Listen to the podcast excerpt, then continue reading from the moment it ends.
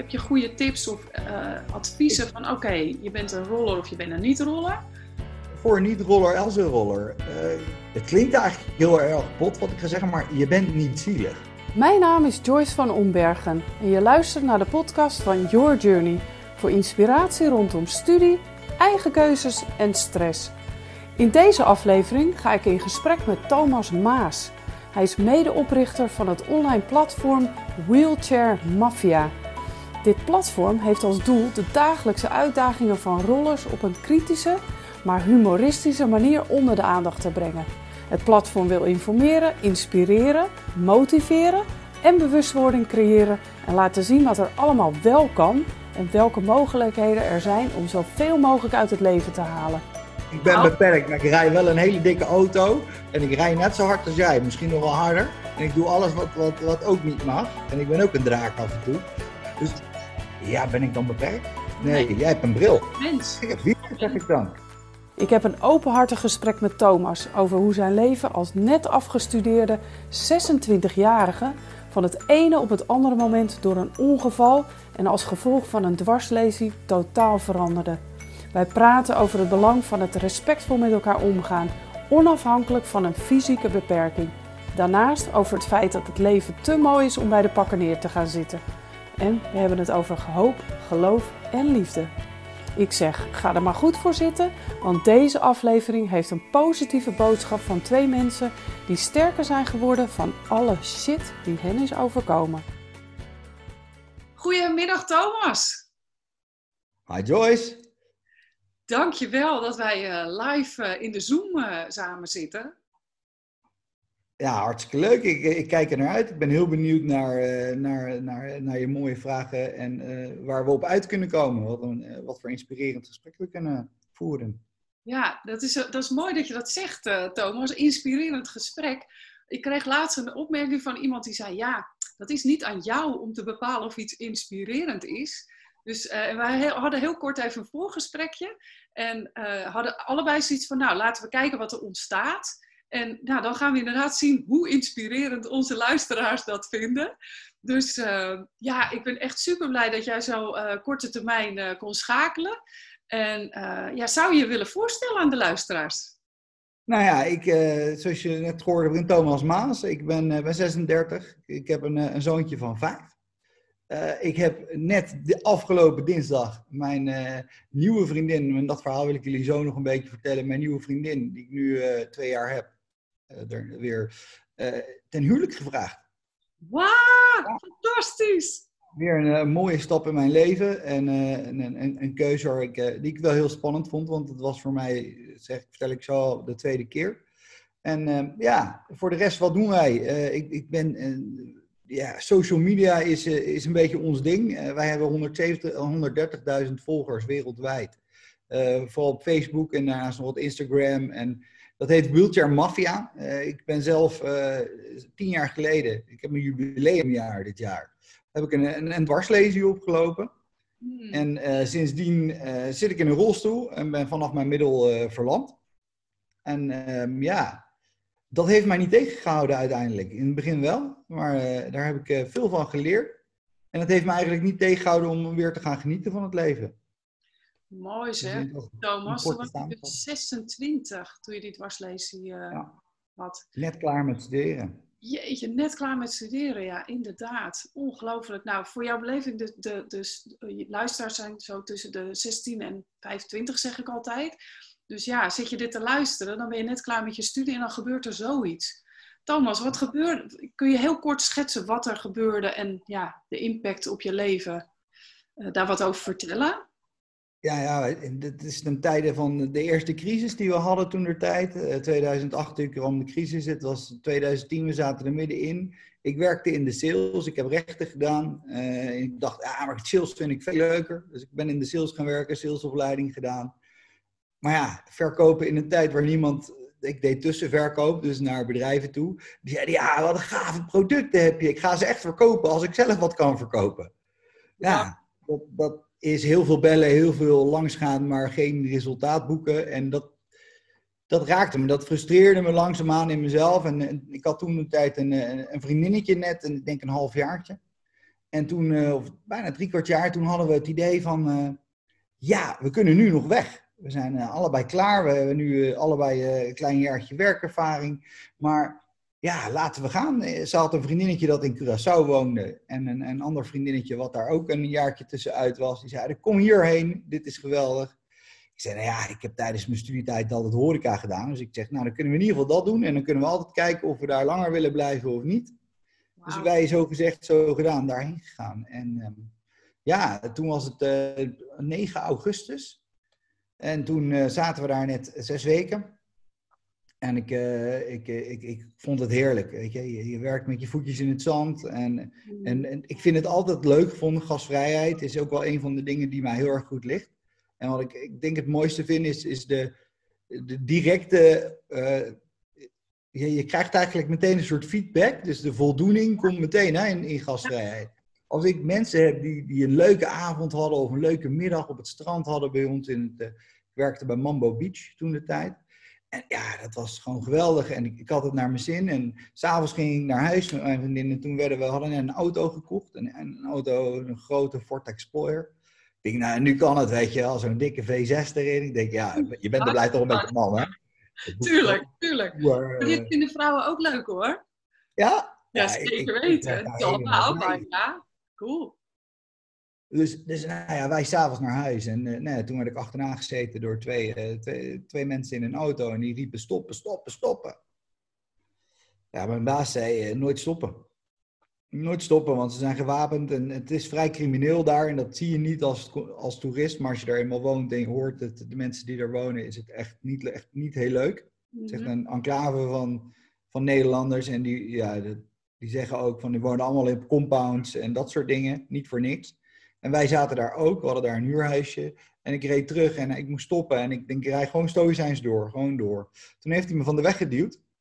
En toen heb ik een... Uh, ja, dit was een oude auto, dus de airco deed het nog niet. En de ramen niet zo goed. Maar mijn riem aan de bestuurderskant bleef niet hangen in het clipje. Dus mijn vriendin heeft snel de riem natuurlijk vastgemaakt. Alleen die van mij, die bleef niet zitten. En ik ben eraf geduwd. En ik ben dus door de vooruit gegaan. En uh, heb mijn rug gebroken. En sindsdien, uh, dan, dan lig je daar eigenlijk 7000 kilometer van huis. Ja, heel alleen.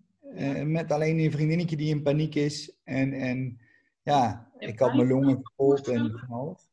En dan is het, is het, ja... En dan voel je eigenlijk voor het eerst dat je, ja, een beetje paniek, dat je je benen niet meer voelt. En dat was voor mij toch wel een van de zwaarste dingen. Ik heb daar zeven dagen gelegen. En toen zijn mijn ouders daarheen gevlogen. Lag je in het ziekenhuis daar? Ja. De orthopeed was er niet, dus ze konden mijn rug niet vastzetten. Die zat op Sint Maarten en die kon niet snel hierheen komen. Dus ja, ben ik uiteindelijk naar Nederland vervoerd eh, via Duitsland met een gebroken rug. Twee, ik had uh, mijn longen kapot, dus vocht achter mijn longen. Daar mag je eigenlijk niet mee vliegen, dus ze hadden maar toch, het zou goed zijn, maar s'morgens bij de foto, er zit weer vocht achter. Dus uh, zonder verdoving drains terugplaatsen is niet aan te raden. Nee, dat zijn geen leuke dingen. Nee. nee. Ik denk dat dat wel een van mijn, mijn, diepste punten is geweest, dat moment. En die pijn die was uh, onbeschrijfelijk. En daarna teruggevlogen. Nou, absurd. En uh, hebben ze me in Nederland weer in elkaar geschroefd, letterlijk. Ja. Ik heb vijf wervels aan elkaar zitten. Dus eentje was echt helemaal stuk. En dan twee erboven, twee eronder. En dat zit helemaal met staal aan elkaar vast. En, en ja, dan, dan word je wakker.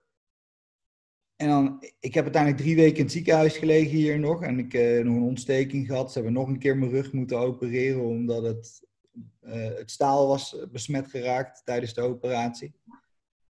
Dus um, ja, uh, 41 graden koorts gelegen, dat soort dingen. En toen op een gegeven moment was ik echt gewoon, ik had ja, graadmagere, dunne armpjes, ingevallen gezichtje, kon niks meer. En dan kom je in de Hoogstraat, dat is de revalidatie.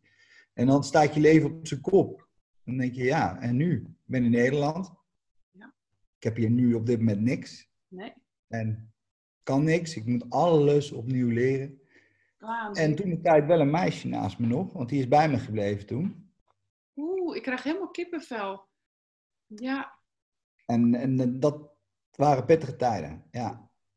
Dat was uh, alles opnieuw uitvinden. Je seksualiteit, je, uh, je Hoe, hoe doe je dingen? Hoe, hoe- ook heel bazaal, hoe ga ik naar het toilet? Ja, ja, ja. Ja, Al dat ja alle, dingen. alle dingen, die zijn in één keer anders. Ja. Jeetje, Thomas. Ja, we hebben van tevoren in het voorgesprek gezegd dat we met elkaar in gesprek zouden gaan. En dat ik eh, ook eerlijk zou, eh, zou delen. Oh, dankjewel sowieso dat je dit deelt. Want eh, ja, ik, ik herken een aantal dingen. En eh, ik hoop echt dat jongeren hier eh, vooral ook uit gaan halen dat het nu ook heel goed met jou gaat. Want eh, je geeft, schetst net het beeld van dat graadmagere jongetje. En ik zit nu, en ja, de luisteraar kan het niet zien, maar ik zie echt een goede, stevige vent met een mooie baard, een vet petje op en eh goede gespierde bovenlijf. Dus er is nogal wat gebeurd sinds die tijd. En eh, voor mij zit de herkenning in, ehm, ja, even zo door een hel gaan qua pijn. Ik, ik ben gevallen over een stoeptegel met een zoon op mijn heup. Mijn schouder gebroken en ook meteen geweten, het is niet goed. Alleen hebben de artsen daar anderhalf jaar over na moeten denken. Dat het inderdaad klopte wat ik zei. En ook een man naast me die niet is weggelopen. Dus daar had ik net de kippenvel met jou. Je had een vriendinnetje. Maar ja, ik had een gezin met twee kinderen. Dus dat is ook lastig om dan te blijven hè, voor mijn man. Maar die had een aantal incentives. En jij had een vriendinnetje. En blijkbaar ben jij gewoon zo'n toffe vent dat ze bleef. Ja, ja. Ja. Uiteindelijk, dit verhaal is nog niet klaar, helaas. Eh, uiteindelijk hebben we wel, nou, ik denk vijf jaar later besloten dat het toch geen succes was, ongeveer.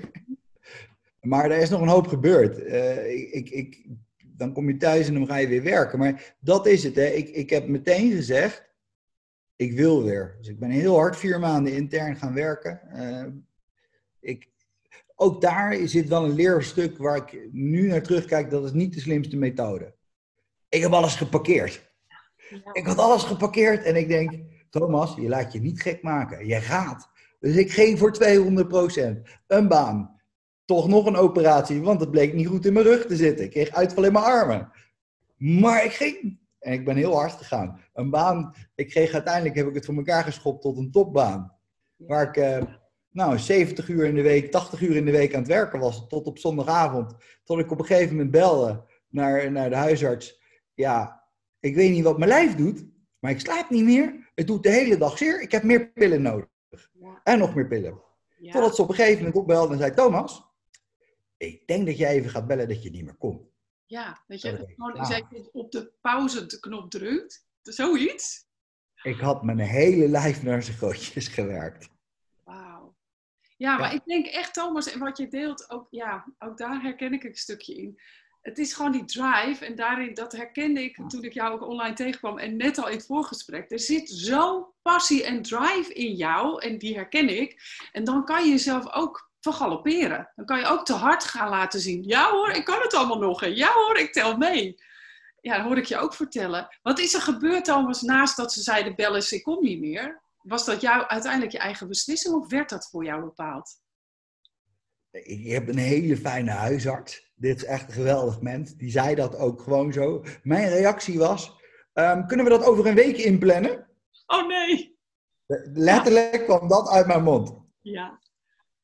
Nou, toen heeft ze heel hard teruggeroepen: Thomas, kom eens even bij de we- deze wereld. Even hier. Ja. En ik ga stilstaan. En toen ben ik stil gaan staan en toen heb ik ook, ben ik in elkaar gezakt. En ben ik even helemaal, helemaal even, even, even leeggelopen. Ja. En toen heb ik ook eh, het besef gehad, ik heb iemand nodig om hier, eh, om, eens te kijken naar, wat heb je nou allemaal wel niet meegemaakt, Thomas? Waarom wil je dit allemaal? Op datzelfde moment had ik toen mijn, mijn andere vriendin, mijn eerste dus, eh, die bij mij gebleven was, ten huwelijk ook gevraagd. In een burn-out. Ik had het al gepland. Ik denk, Goed plan. Klinkt als een, echt een heel goed plan. Daar had ik over nagedacht. Ja. En nou ja, vervolgens eh, dat dus plannen. Eh, ik was, zat aan de grond, ben wel een psycholoog gaan zoeken. En Mm. dat heeft me uiteindelijk wel geholpen om langzaamaan, en daar ben ik nog steeds wel mee bezig, om, eh, want je komt continu, hè, deze, deze handicap, dan kom je in alle facetten van je leven, moet je er rekening mee houden dat je hem tegenkomt. En dat is niet erg. Maar als je iedere keer boos wordt en de strijd als het ware daarmee aangaat in je hoofd, ga je dat niet winnen. Kom je niet verder. En je, dus je moet leren, oké, accepteren, stilstaan, ernaar kijken en denken, ja, dat is zo, maar hoe kunnen we nou ervoor zorgen dat ik er hè, dat we er het op een positieve manier gaan benaderen, het omdraaien.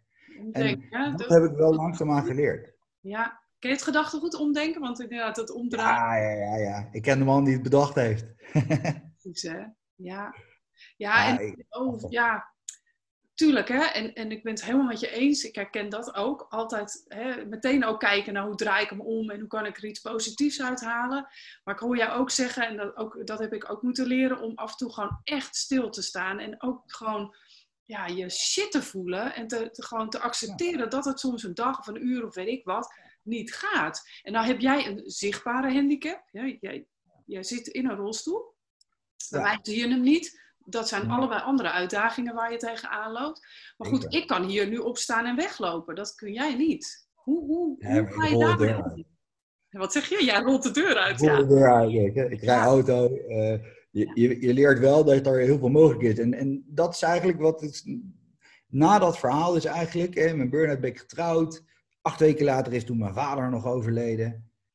Ook uit het niet. Ik kwam van mijn huwelijksreis. Hij kreeg de uitslag van een scan die had laten maken. En uh, ja, maar naar huis kreeg ik als antwoord toen ik belde onderweg naar huis.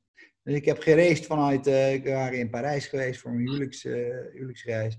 Dus ik ben naar huis gereisd en kwam aan. Ik zag de auto van mijn, van mijn zusje ook al staan. Ik denk, dit is niet goed. Nee. Nou, ja, acht weken. En nou ja, daarna heb ik nog een kind gekregen geweldig. Mooie periode. Uh, maar ja, uiteindelijk liep dat ook niet helemaal zoals ik het wilde. Uiteindelijk hebben we toen na een jaar besloten om uit elkaar te gaan. Dat is ook eigenlijk het moment waarop ik, uh, net daarvoor eigenlijk heb ik, uh, heb ik Frank ontmoet. En dat is, is mijn compagnon in, in de Wheelchair Mafia. Ja, en jullie doen en hij, samen, hè? Ja, en, en we, maar we hebben twee totaal verschillende verhalen. Uh, ik heb echt een ongeluk gehad en heb in één keer moeten accepteren wat de nieuwe uh, versie van Thomas was. Ja. En hij heeft een, een XALD, een, een stofwisselingsziekte. En dat is een heel ander proces. Hè? Dat heeft ieder, het zijn ook mensen die dat hebben, bijvoorbeeld mensen met ziekte van Heel langzaam dat je steeds slechter wordt. Ja. Het moeten accepteren. Ik kan niet meer lopen, maar niemand mag het zien. En hij had heel erg, niemand mag het weten. Niemand mag het zien dat ik eigenlijk niet meer fatsoenlijk kan lopen of dat ik dingen kan. En hè, uiteindelijk in een rolstoel, toen is hij 160 kilo gaan wegen. Uit, uit schaamte en niet meer willen werken en niet meer willen. En nu is hij maagverkleining gehad en weegt hij de helft. Het ziet ook net als jij, als gewoon een hele gezonde, eh, jonge vent uit. Ja, eh, prachtig om te zien op de foto's. En we gaan natuurlijk in de show notes jullie website uh, benoemen. En dan kunnen de luisteraars ook even kijken naar ja, wie, wie hebben we nu eigenlijk aan de lijn. Ja, het is een prachtig verhaal voor jullie allebei van enorme wilskracht. En wat ik ook hoor is dat je hem op een speciaal moment in je leven op ontmoet. Klopt dat? Ja, ja ik uh, ben gescheiden van mijn ex toen. En, en eigenlijk toen was een beetje het moment van, ja, wat wil jij nu verder, Thomas? Uh, ik, ik, was, ik had weer gewerkt en dat beviel eigenlijk helemaal niet. Uh, dat ging weer fout. Te veel stress en ik eindigde weer met pijn en ellende. En toen ja, toen kwam dit eigenlijk. En, en, en Frank, die kende ik vanuit het lokale. We komen allebei uit Woerden, heel toevallig. En um, wij leerden elkaar kennen via een lokale initiatief. Uh, wat hij ook had geïnitieerd van ja, voor de gemeente meepraten. Uh, Woerden inclusief of inclusief Woerden heette het. En ja, eh, daar zetten we ons, hebben we ons allebei even voor ingezet. En toen raakten we ook weer aan de praten. Ik kende Wheelchair Mafia al, het was klein toen nog. Ik denk, 8000 volgers ongeveer, 9000 misschien. En toen hadden we het idee van, ja, je hebt zoveel volgers, zoveel mensen, hier moeten wij wat mee. Ja. Hier moeten we, we moeten groeien, we willen nog zoveel wensen, maar dat kan je niet alleen. En we moeten kijken of we er uiteindelijk natuurlijk een klein verdienmodel in kunnen doen, zodat we dit ook 40 uur in de week kunnen doen. Precies. Nou ja, daarmee, dat was mijn kant van het verhaal. Hij is heel goed in het, het stuk online en ik ben heel goed in het stuk daarachter eigenlijk. En zo hebben we elkaar eigenlijk gevonden en zijn we, zijn we ermee begonnen. Met, met producten testen, meer te gaan laten zien, uh, te groeien vooral. Een buitenlands kanaal erbij gestart. Uh, nog een Nederlandse, wat groepen. Vooral ook groepen, omdat we het heel belangrijk vonden. Dat er ja, mensen dingen met elkaar moeten delen. En dat het ook echt een groep is waar niet zomaar iedereen in kan. Je moet echt een rolstoeler zijn. Anders kom je er niet in. Nee, je houdt het uh, alle... dan, hè? Dan is de groep echt gewoon bedoeld voor en door Eh, ja, ik hou niet van het woord lotgenoten, maar daar heb ik ooit zelf ook heel veel steun aan gehad. Hè, rondom je schouder dan. En ja, het woord lotgenoot, ik weet niet hoe jij daarnaar kijkt, maar je Nee, maar ook nee. niet over op een, als een slachtoffer en een beperking. Ja, het zijn allemaal termen die voor ons bedacht zijn. Maar ja, Ja, ik noem mezelf gehandicapt, ik noem mezelf beperkt. Ik- vind het allemaal prachtig. Ik maak er misbruik van en ik lach erom als ik het zeg. Ik ben Nou. beperkt, maar ik rij wel een hele dikke auto en ik rij net zo hard als jij, misschien nog wel harder. En ik doe alles wat, wat, wat ook niet mag. En ik ben ook een draak af en toe. Dus ja, ben ik dan beperkt? Nee, jij hebt een bril. mens. Ik heb wielen, zeg ik dan. Ja, Ja, maar mensen hebben een bril. Ik heb wielen. Eens. Het is eigenlijk Ja. een soort, ja, nou met een bril daar had ik een moeite mee, want boven de 40 ga je vaak wel aan de bril. En toen zei op een gegeven moment iemand tegen mij, ja, als je het nou gewoon ziet als een soort accessoire. Toen dacht ik, oh ja, zie jij dat ook zo? Zijn er voor rollers ook echt gewoon vet, eh, nou Ja, ja, tuurlijk. ja, Ja, maar iedereen is bezig met zijn rolstoel. Ah, hij moet goed zijn. Hij moet goed passen, want dat is ook al een heel groot Heel probleem. Eh, mensen, de gemeentes proberen je maar wat aan te smeren. En ja, daar helpen wij natuurlijk altijd mee. En ja, iedereen is gewoon trots op zijn, op zijn wagentje. Hè. De een is bezig met nieuwe spaakjes in, in kleuren uit China. Een soort rietjes kan je bestellen. Dan kan je je spaken andere kleuren geven. En nou ja, van alles wordt ermee gedaan. En wat je gewoon ziet is dat mensen... Het is een onderdeel van je lijf. Ja. En, en, en daar legstuk, hè? Het is eigenlijk een soort, ja, staan mijn benen. ja, het zijn Dus eigenlijk, het moet goed zijn. ja. Ja. Ik ben er altijd wel, wel druk mee. Maar ik ben ook wel een beetje een draak. Ik wil, van, al- ik wil alles hebben. Alles, alle gadgets proberen, testen, eh, doen. Gewoon omdat dat... Dat is ook toch leuk? Ja, maar is ook leuk. En, en wat ik ook fantastisch vind, juist het leuk komt nu voor de tweede keer voorbij. Jullie doen op dat platform iets wat eigenlijk ja, de meeste mensen niet zouden verwachten. En dan ga ik heel erg generaliseren. Maar jullie laten op humoristische manier zien hoe je kunt omgaan met je, quote, handicap. Ja, hoe je zelf met je handicap Ja, hoe is dat maar ook- ontstaan? Hoe is dat ook juist voor jullie, de, de, het is een beetje ontstaan, dus dat stuk is heel erg ook ontstaan, vooral bijvoorbeeld het stuk toegankelijkheid, hè, waar, dat zie je heel vaak ook terugkomen bij ons, vooral gekkigheid dan. Ja. En uit frustratie toen de tijd van Frank. Frank die, die was grote beer en die was toen 160 kilo en was boos op de hele wereld, had de schuld aan en belachelijk dat de wereld niet Ja. voldeed aan waar hij wel naar binnen kon en wat hij wel kon. Ja. En heel veel moeite had hij daarmee. Dat, ja, de wereld past zich niet aan Frank aan, maar ja. Dus daar, daar, daar- dat was best wel een frustratiestuk. Alleen hij kon dat brengen, hij kan dat nog steeds, en dat doet hij ook nog steeds dagelijks, kan dat brengen met een, een humor erin, eh een woordspelletjes. En dat raad ik iedereen ook eens aan om te kijken. Dan zie je gehandicapte parkeerplaatsen waar niet over nagedacht is. Waarvan denk ik, ja, staat er een boom op een gehandicapte plek. En dan maken ze er gewoon serieus een gehandicapte plek van. Er staat een boom in. Hoe moet ik daar dan parkeren? Hoe dan? Ja, hoe De dan? wie, welke was er eerder? De gehandicapte plek of de boom? Boom. Ja, dat soort filmpjes of foto's. Ja, geniaal. Gewoon Ja, heerlijk. Steek je gewoon de draak met ja, ja, je handicap, maar ook gewoon met eh, de hulp die je wel of niet krijgt. En ik hoor je ook duidelijk zeggen dat je daar zelf verantwoordelijk voor bent. Want je zegt, Frank was boos op de wereld die zich niet aan hem aanpaste. Maar ja, als op het moment dat je zelf regie neemt, en daar ben ik zelf ook erg van, ja, ga maar kijken naar wat kan ik dan doen zelf om die hulp te krijgen of om eh, het anders te, te- ja, voor mezelf te genereren. Daar hebben wij elkaar gevonden. En dat is eigenlijk waarom we ook die groep begonnen zijn. Frank, die, ik was natuurlijk eh hoopopiopi in mijn rolstoeltje, omdat ik in de Hoogstraat had gezeten. En daar, kreeg ik, daar wist ik het goed te regelen. Ik had alle mooiste stoelen kunnen testen, dus ik wist meteen welke ik hebben wilde. De mooiste, de duurste. Ga ik regelen. Hartstikke idee. En het liefst dat regelen we dan. Ja, En, en, en ja, dus ik, ik kon alles. Ik ging autorijden, ik deed alles zelf. En Frank was natuurlijk 160 kilo geworden, zat in, een, eh, in, in, in zo'n eh, ziekenhuistank.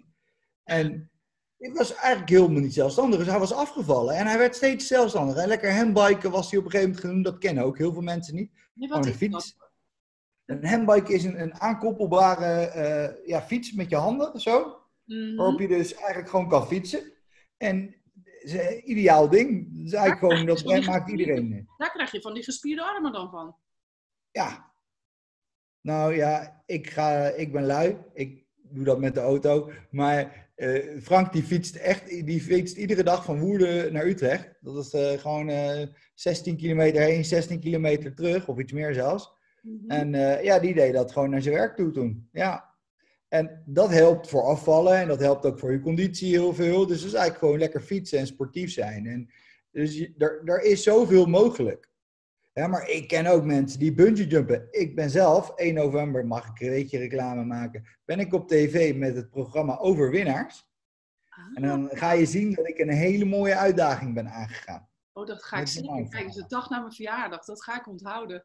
Avond, november. is het. Ja, Ja, heel tof. ja, dus, ja en, en er, er is, je zal het zien, er is zoveel mogelijk. En zoveel leuke dingen nog. En het leven stopt dus niet als je een handicap krijgt.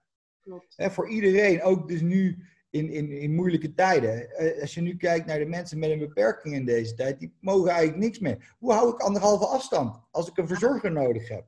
Eh, ja, eh, kan niet. Lijkt me onmogelijk. Hoe los je Nee. op? Nou ja, daar krijgen wij dus heel veel vragen over. En, en heel veel dingen van, ja, hoe, hoe moet ik dit nou regelen? Hoe- wat is nou wel voor mij? Veel angst ook onder onze groep. Omdat er werd gezegd, mensen met een, met een beperking mo- werden niet opgenomen op de IC. Dus ook dat was meteen echt, wow, gelukkig hebben ze dat later bijgedraaid. Van ja, als, je, als het gewoon niet kan omdat je het niet gaat overleven, ja, dan gaan we het ook niet proberen. Klopt. Maar niet standaard omdat je een beperking hebt, eh, geen toegang tot de IC. Hallo zeg. Dat was, dat was wel de eerste, de eerste, in de eerste eh, brief die daaruit kwam, Ja. stond het letterlijk erin. En dan zie je dus ook in die groep de angst een beetje, de, de, de stress opkomen. Want we zijn een doelgroep die vatbaarder is. Ja. Ja. En daar kunnen we niks aan doen. Nee, daar kun je niks aan doen. Nee. Nou, het- is mooi dat je die aankaart ook, Thomas. Want we hebben natuurlijk ook in het voorgesprek gezegd van... hey, hoe kunnen we eh, eh, jongeren hierin inspireren? Nou, jongeren worden op dit moment ook best wel gestigmatiseerd. Ik las le- le- eh, letterlijk ergens iedereen, inclusief gezonde jongeren. En dan denk ik, iedereen is toch inclusief gezonde jongeren?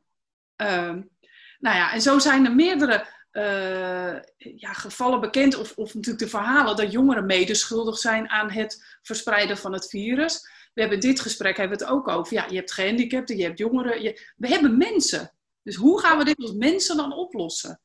Dat, dat is het. En, en eh, er wordt heel erg stigmatiserend gedaan. Nu, nu, zijn de studenten eh, op dit moment zijn de schuldigen. Ja. Eh, de jongeren zijn de schuldigen. Wie er schuldig is, niemand. We Niemand. moeten, het samen, we moeten het samen doen. En we moeten daar rekening houden met iedereen. De, de ondernemer op de hoek die het zwaar heeft. De, de scholier die het ook zwaar heeft. Want hè, ik vond het heel mooi. Je hebt vast die brief gelezen. Die oproep van die 91 jaar oude man, die veteraan. En de reacties daarvan van scholieren. Die op een hele mooie, niet boze manier. Mooie, hele mooie woorden uitleg gaven wat het voor hun betekent.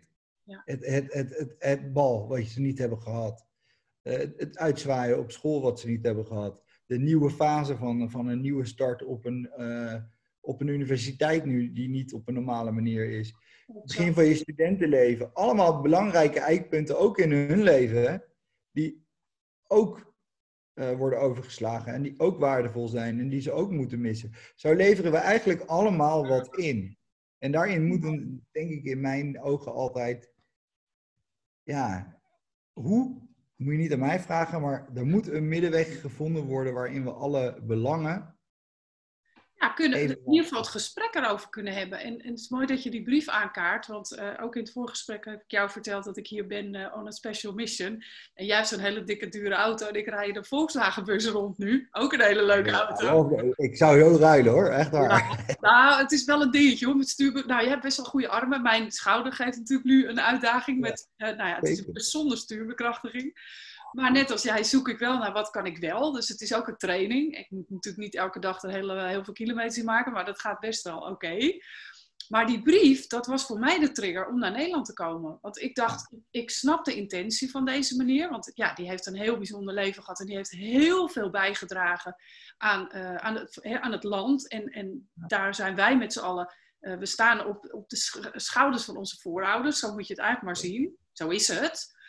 En tegelijkertijd kan deze man in retro-perspectief terugkijken op zijn leven. Maar jongeren kijken vooruit en denken: uh, hoe dan? Ik heb geen idee wat de toekomst mij gaat brengen. Hmm. Hoe kijk jij daarnaar, Thomas? En heb je dan ook, hè, want we hebben het over, we hebben verschillende groepen in de samenleving. Hoe kunnen we dan met elkaar toch die verbinding houden en, en begrip voor elkaar hebben? Ja, ik ben niet van het. Ik, ik hou niet van stigmatiseren. En ik, ik, ik hou ook niet van, van, van wijzen. Ik, ik snap daar nut niet van. Wij kunnen het doen, eh, maar uiteindelijk. Ik hoop uiteindelijk dat iedereen uh, naar binnen is gaat kijken en gaat denken: hoe zou ik het vinden als? En is bij zichzelf te raden gaat: wat kost het mij nou daadwerkelijk om, als ik met een groep ben, ietsje verder uit elkaar te zetten. Wat kost het mij nou? Kijk, er zijn, er zijn regels die veel kosten. Maar er zijn ook regels waar je prima aan kan houden. Zonder dat het je eigenlijk wat kost. En dan gaan ze recalcitrant, noem ik dat, vind ik altijd zo'n heel mooi woord doen. Gaan ze expres binnen de meter van elkaar staan. Omdat ze het gewoon niet eens zijn met de regels. Omdat ze zichzelf beperkt worden. Dat is eigenlijk waar het om draait. Ik ben beperkt. Maar zij vinden ook dat ze dan beperkt zijn. Klopt. In hun in doen en laten. En dan denk ik, ik, ja, maar ik laat me toch ook niet weerhouden door mijn beperking. Daar ga je dan toch samen een oplossing voor maken. Toch hetzelfde eigenlijk. Prachtig, Thomas. Echt, ik ben het helemaal met je eens. Want dat wijzen en, en veroordelen, dat brengt ons alleen maar verder uit elkaar. En, en je, wat je zegt is een hele mooie vergelijking. Jij bent hè, beperkt. Ik uh, zou dan ook kunnen zeggen, ik ben beperkt. Maar we, wij denken niet in beperkingen, we denken in mogelijkheden. Dus op het moment dat we met elkaar hè, ehm, kunnen zoeken naar de oplossing, nou, en die oplossing is er misschien helemaal niet, maar in ieder geval naar elke keer in het moment kijken, oké, dit kunnen we nu doen om de brug te slaan. En dat betekent soms een stapje achteruit doen. En soms juist niet. Soms is het juist een hand uit te, wij, uitreiken om hulp te krijgen. Ja, ik denk dat ook gewoon met elkaar in gesprek blijven. Eigenlijk zoals jij en ik nu aan het filosoferen zijn over, ja, wat kan dan een oplossing zijn? En, en, en de humor vooral ook, laten we die ook niet vergeten. Ja, nee, dat denk ik sowieso, maakt een grapje. Maar uh, maak het bespreekbaar met elkaar. Laat het wel uh, doordringen bij iedereen wat de ernst van de boodschap is. Maar kijk vervolgens samen op een luchtige manier ernaar ja, nou ja, dat is dan even zo, maar dat laten wij ons niet tegenhouden. We gaan bedenken hoe we dan iets leuks samen met z'n allen kunnen doen. Oké, misschien moeten we twee groepen maken en dan halverwege doen we een ruil. Van groepen, dan gaan we mixen en dan gaan we weer gezellig doen met z'n allen. Er zijn zoveel mogelijkheden te bedenken. Alleen, er zit een stuk frustratie achter denk ik, bij, de, bij jongelui, maar bij iedereen eigenlijk ondertussen. Je merkt het bij de ouderen die hun kinderen niet meer kunnen zien. De, de artiesten die nu ook vol in het verweer gaan, want die missen ook hun publiek en dat begrijp ik. Zelfs ook docenten. Docenten die gewoon de energie van hun studenten missen. Ik spreek ze hoor. Het is echt gewoon de mens die nu gefrustreerd raakt en, en, en, en heel graag weer gewoon contact wil. Ja. Maar wij mensen zijn niet er zijn weinig mensen die, die, die in Alaska wonen. Er zijn misschien een aantal mensen die denken, ja, wat doen jullie moeilijk? Ik kan toch ook tien jaar zonder iemand te zien, prima. Ik kan het niet. Wij zijn van nature, zijn mensen gezelschapsdieren eigenlijk. Mensen houden over het algemeen om samen te komen. En, en dan zijn wij denk ik nog als Nederlanders en de noordelijke landen kunnen nog vrij makkelijk wat makkelijker afstand nemen, maar hoe zuidelijker je komt, en dat zie je natuurlijk Spanje nu, daarom gaat het ook los, dat zijn familiemensen. Die, die één keer in de week, ja, dan ga je toch met de hele familie een keer met z'n allen aan de tafel zitten, te dicht bij elkaar, en een hapje eten. Dat moet toch kunnen? We zijn toch één familie? Ja, ja, nou, inderdaad heel dicht bevolkt. Hè? Met name, uh, want uh, nou, ik, je weet dat ik in Zuid-Spanje woon. Nou, Spanje is 14 keer Nederland. Dus uh, ik zit in de buurt van Malaga. En dan vragen mensen wel eens, ja, dat is heel gevaarlijk bij jou. En dan zeg ik, nou, Madrid is 500 kilometer bij mij vandaan. Dat is ongeveer voor jou naar Parijs. Dus ook daar, weet je, zitten nuances. Maar zeker die dichtbevolkte steden, je hebt helemaal een punt. Daar zitten mensen heel dicht op elkaar in kleine huizen. Ja, dan gaat het mis inderdaad. Nou ja, en, En, en het is een stukje cultuur en ook een stukje leven. En mensen die gewoon graag elkaar zien. En gezelligheid is buiten met z'n allen samen. En ja, ik ben naar Frankrijk geweest op vakantie afgelopen zomer. En uh, we zaten in een regio waar, waar niks was. Gewoon een mooie regio, ook op het platteland. Prima. Alleen, ja, dan ga je boodschappen doen. In Frankrijk hebben ze de verplichting gedaan, mondkapjes. Je zou zeggen, top, over nagedacht. Nou, de Franse, de een doet hem onder zijn neus, over zijn mond aan, dan haalt zijn mond eruit, dan doet hem over zijn neus. Maakt niet echt uit hoe die zit. Dezelfde. Of, of hangt zo onder zijn kin, die weet je wel. En die lopen met z'n allen. Ja, maar ik heb toch een mondkapje op? Ja. Dus dan mag ik wel gewoon tegen je aanlopen en naast je staan en ongeveer tegen je aanlopen en kuchen en doen, want ik heb een mondkapje op. Ja. Dan denk ik, ja, dat is ook een soort schijnveiligheid die ik ook liever niet. Nee, dat is het. Dus ja, we zeiden het net al, er is denk ik ook geen, geen oplossing voor. Er is respect voor elkaar. Daar, daar, daar begint en eindigt alles. Ja. Ik, ik hoop dat jonge mensen ook wel kunnen begrijpen, en, en, dat vind ik eigenlijk de hele samenleving, dat er wederzijds respect is. Dus als iemand het vervelend vindt dat je iets te dichtbij staat, word dan niet boos. En zeg, oké, nee, prima, dan stap ik, neem ik een stapje naar achteren. Als je vindt dat ik te dichtbij sta. Mijn excuus. En Zo dat... moeilijk, wat kost dit om dat te zeggen? Wat kost dat? Niks. En weet je, dat heeft nog niks met corona te maken. Dat heeft ook te maken gewoon met je eigen space, je eigen zone. Ja. Heb je goede tips of uh, adviezen van oké, je bent een roller of je bent een niet-roller? Voor een niet-roller als een roller. Uh, kijk naar jezelf, maar maak je. Zie. Het klinkt eigenlijk heel erg pot wat ik ga zeggen, maar je bent niet zielig. Hmm. Dat vond ik ook. Dat is best heel moeilijk om te accepteren, want de buitenwereld roept ook heel vaak tegen je. maar uiteindelijk kom je daar niet verder mee. Let it go, leg het neer, kijk daarnaar. En, het is niet leuk, het is vervelend. En dat, zo heb ik het niet alleen over een dwarslezing, maar dat geldt eigenlijk voor elke aandoening die je hebt. alles wordt in Nederland heel erg gestigmatiseerd. Al heb je dyslexie, dan roepen ze: verschrikkelijk, je moet een test doen, je kan dit niet en dit. Nee, ga kijken wat je er wel uit kan halen. Wat snap je nou wel en waar, hoe kan ik het oplossen? Mooi. En kijk voor jezelf daarnaar en, en, en leer voor jezelf een stapje te doen, even, even naast jezelf te gaan staan af en toe. En neem de rust. Mm, Ik ben tegenwoordig fan van meditatie af en toe. hey, daar hebben we dan weer een uh, overeenkomstigheid, uh, Thomas. Want ja, Ja. Dit, dat brengt rust, hè? Ja, maar niet voor mij. Ik ben niet van die, van die ellenlange yoga meditaties hoor. Eh, Gewoon die 10 minuten meditaties, die ook lang, hè? affirmatie. Dat soort wat- dat is voor jongeren al lang, hè? 10 minuten. Ja, maar je hebt een app, daar zitten ze van een minuut. Ik heb de mediation app zelf, eh, maar er zijn er heel veel. En dan kan je gewoon zo'n muziekje op, maar dat is een begeleidende meditatie. Is goud. Dan leer je ook je ademhaling. Gaat puur op ademhaling. Maar even die rust. En dan even te denken van, ja, wat ga ik nou doen? Wat wil ik nou? En sta nou eens stil en kijk naar van welke weg ga ik pakken. Ja. Want er zijn er zoveel. Er is er niet eentje die voor jou de uitgewezen weg is. Exact. En En dat het kan ook nu de weg zijn en over een jaar weer anders. Je mag elke keer opnieuw kiezen. Mooi. Ben trots op jezelf. En Oh, geloof in jezelf. wees trots op jezelf. En Ja. geloof in jezelf. Ja. Volgens mij was dit de laatste eh, Go Out with a Bang, Thomas. Ja. Dank kan. je wel. Dit was een heel mooi gesprek. Heel Dank fijn. je wel. Hiermee kom ik aan het eind van deze aflevering. Ben je benieuwd naar de humoristische vlogs en blogs? Ga dan naar wheelchairmafia.nl. Dat is met één F. En zoek ze op via Instagram. En heb je een vraag voor mij? Je vindt me op Instagram via yourjourney.a. Ik vind het heel leuk om daar met je te connecten.